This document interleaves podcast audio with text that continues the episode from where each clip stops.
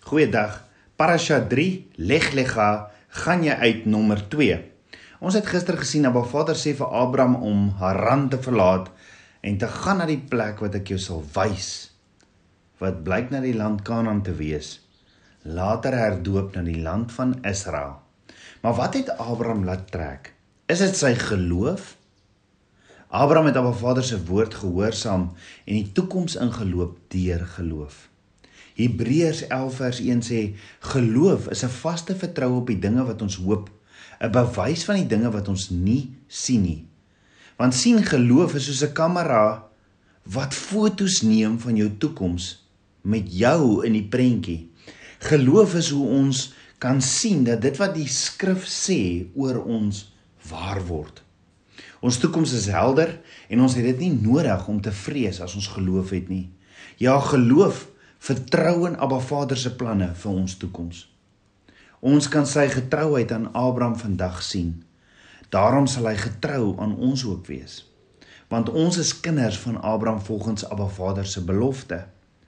Om in geloof te stap is om te kies om in Abba Vader se woord te wandel, ongeag wat om ons aangaan in die wêreld, ongeag jou omstandighede.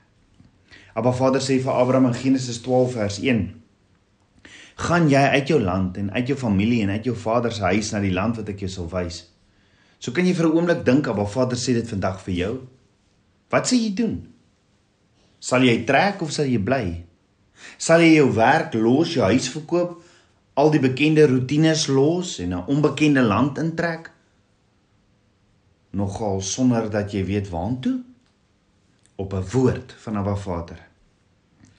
Dalk meer mense vandag in Suid-Afrika gaan dalk wegtrek sonder om te skroom en net sê ja. Maar hoor gou-gou, verandering is nie so maklik nie want ons val onsself vas in 'n groef van groepsdruk, ou vriende en ou gewoontes. Maar Abraham moes wegtrek na 'n nuwe land toe sonder ander familie uit sy vaderhuis na die land wat Abba Vader vir hom sal wys. As ek Abraham was, sou my eerste woorde gewees het: Vader, sal dit U sal U dit asseblief ook net so deurgee vir my vrou? Want Vader, ek is nie so seker sy gaan my glo U dit vir my gesê nie. Nou Abba Vader het Abraham se geloof en toe toegewydheid gesien en Abba Vader het aan hom verskyn en gesê: "Gaan op jou eie uit jou land na die land wat ek jou sal wys." So ons het gister gesien Abraham en Sara het groot geword in 'n wêreld wat verval het in die dinge van die wêreld. Maar waar Vader sien 'n man wat smag om die waarheid te ken en wat bereid is om weg te draai van ongeloof en tradisie af en te sê Abba leer my Vader ek sal ek sal reageer op u woord. Net so lewe ons ook vandag in 'n wêreld wat verval het in die dinge van die wêreld. Maar kan jy dink Abraham kom by Sara en sê vir haar: "Hoorie, Abba Vader het vir my gesê ons moet trek." Wat dink jy sal Sara se eerste wat wat, wat dink jy sal Sara eerste vir Abraham vra? Seker waantoe? En kan jy dink Abraham antwoord haar en sê: "O nee, Abba Vader het nie gesê waantoe nie. Hy het gesê ons moet net trek. Hy sal ons nog wys." Maar Hebreërs 11 vers 8 sê deur die geloof het Abraham toe hy geroep is gehoorsaam weggetrek na die plek wat hy as 'n erfenis sou ontvang en hy het weggetrek sonder om te weet waar hy sou kom. So Abraham en Sara trek toe die onbekende in en kom toe in hierdie nuwe land, 'n plek met die naam van Sichem wat beteken rug of skouer. En ons weet dis Kanaan wat wat later herdoop is as Israel. Masigem se rootwoord beteken to rise or to start early. Met ander woorde om vroeg op te staan en om vinnig te begin. Maar met wat? Is dit om vroeg op te staan en om vinnig te begin om vir jou huis te bou? Om jou grondgebied vir jouself af te merk as jou nuwe tuiste? Dis tog jou nuwe tuiste. Maar Abraham doen iets anders. Hy reageer heeltemal anders. Die eerste ding wat Abraham doen is is hy bou 'n altaar vir Abba Vader. So Abraham is dankbaar en het hierdie dankbaarheid in hom en hy sê vir Abba Vader, Dankie, dankie vir hierdie nuwe plek en hy bou 'n altaar waarop hy offers vir Abba Vader kan bring. Net amazing hoe Abraham Abba Vader eerste stel in alles. En dan na Abraham die altaar gebou het, trek Abraham weg. Die woord sê hy het daarvandaan weg weggegaan na die berg oos van Betel.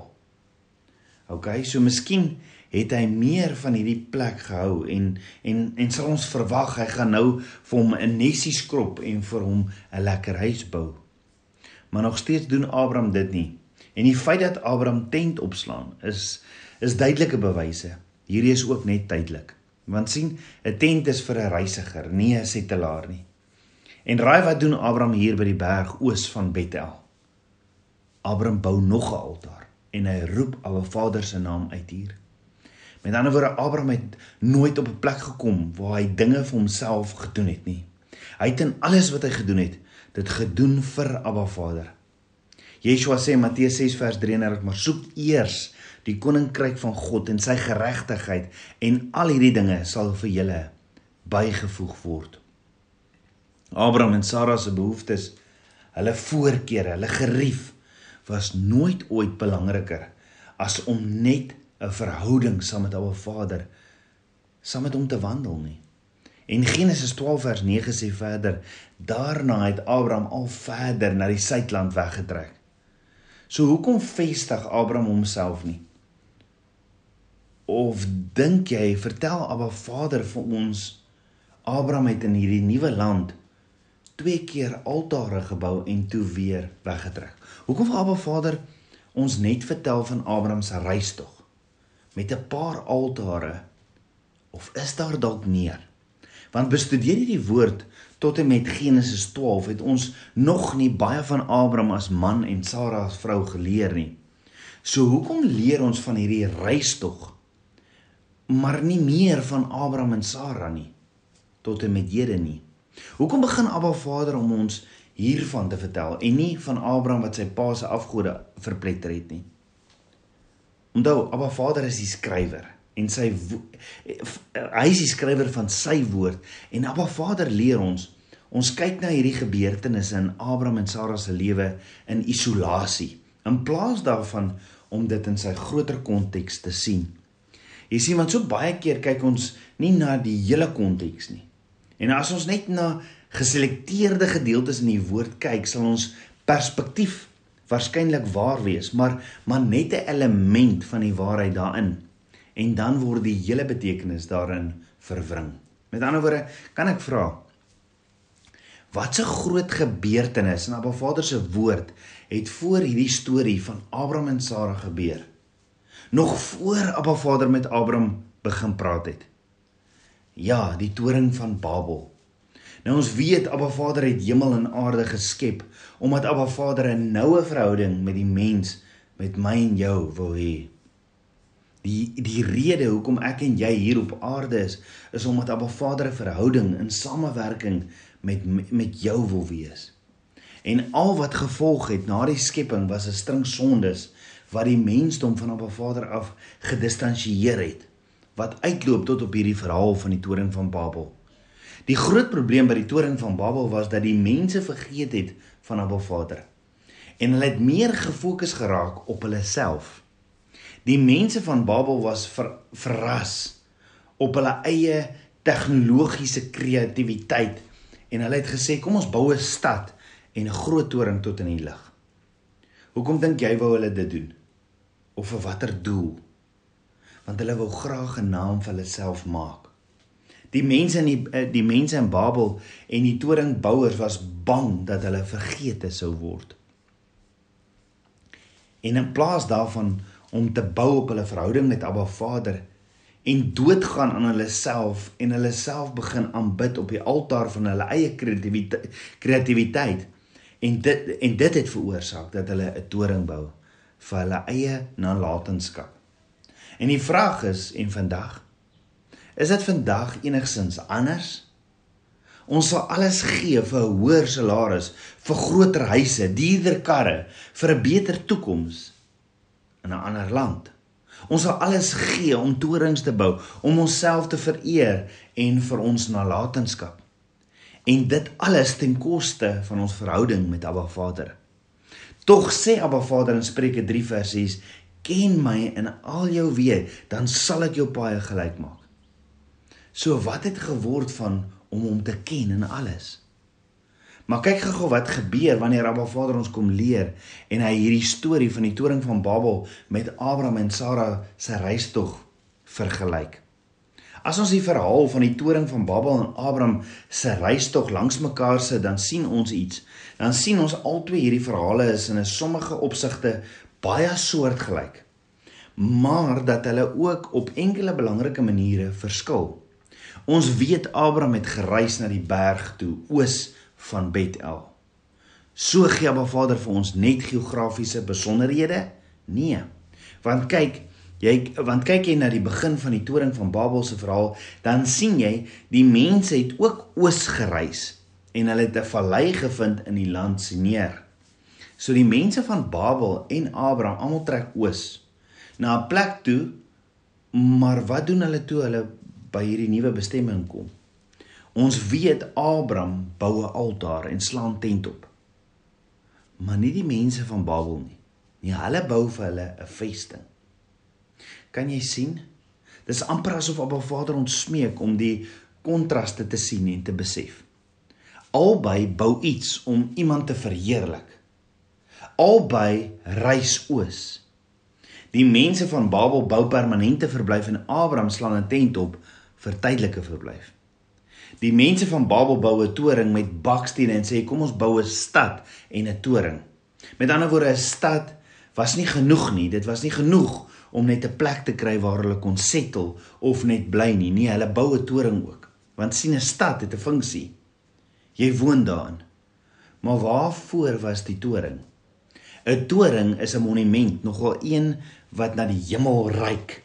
'n Monument vir hul eie nalatenskap.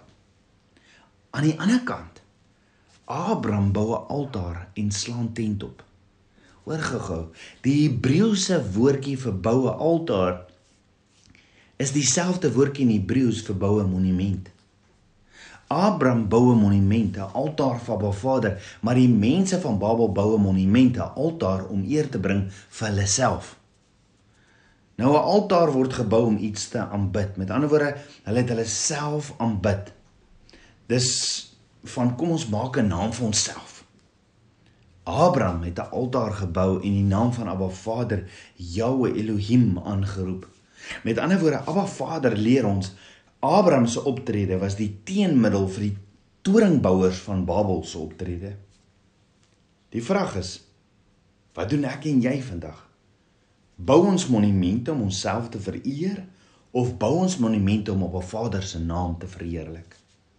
Abraham leer ons iets oor die verhouding waarin ek en jy met Abba Vader moet staan. Ons verhouding met Abba Vader gaan nie net oor wat ek en jy in die verhouding kan kry nie. Nie ons verhouding met Abba Vader gaan oor die wandel elke dag saam met hom. Dis waar maakie saak wat gebeur of hoe omstandighede lyk nie. Dit gaan oor om sy naam te verheerlik en nie my en jou naam nie. Wat bou jy tans in jou lewe? Iets om jou naam te verheerlik of iets om sy naam te verheerlik? Hoor gou wat sê Paulus in 1 Korintiërs 3 vers 11 tot 15 oor hierdie bou. Paulus sê, want niemand kan 'n ander fondament lê as wat daar gelê is nie. Dit is Jesus Christus. En as iemand op die fondament bou, goud, silwer, kosbare stene, hout, nooi, stoopels, elkeen se werk sal aan die lig kom, want die dag sal dit aanwys omdat dit deur vuur openbaar gemaak word en die vuur sal elkeen se werk op die proef stel hoe danig dit is. As iemand se werk bly staan wat hy daarop gebou het, sal hy loon ontvang. As iemand se werk verbrand word, sal hy skade ly alhoewel hy self gered sal word, maar soos dier vuur heen. Met ander woorde, waarmee sal ons as bruid op aarde bou? Waarmee ons ook al bou, dit sal beoordeel word. Of dit nou goud is of silwer, strooi of gras. Ons sal almal voor Abba Vader eendag staan en die heilige teenwoordigheid van 'n Vader sal dan soos 'n vuur brand en alles sal wegbrand wat nutteloos is vir 'n Vader. En net dit wat sal oorbly is dit wat ek en jy gedoen het om hom te behaag. Dit wat jy gedoen het wat Abba Vader se wil was en wat sy hartsbegeerte was. En dit wat geen waarde vir Abba Vader gehad het nie, sal weggebrand word. Met ander woorde, al wat in my en jou hande sal oorbly as ek en jy voor hom staan, is dit wat ons gedoen het om op 'n Vader se koninkryk te bou. Al die ander goed sal wegbrand. Al die eie status, die rykdom, al die ander goeders sal wegbrand as dit nie tot eer en verheerlik van die Abba Vader se koninkryk is nie. En al wat ek en jy gaan kan doen is staan en kyk. So om oor te ponder. As ek en jy vandag voor Abba Vader te staan kom, wat sal oorbly in ons lewens?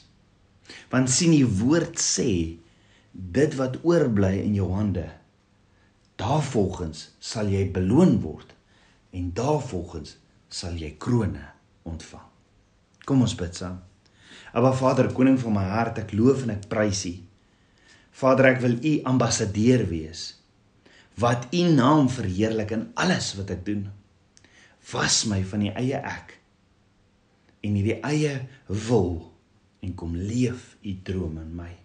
Ek bid dit alles in Yeshua HaMashiach se naam, die seun van Jahweh. Shalom.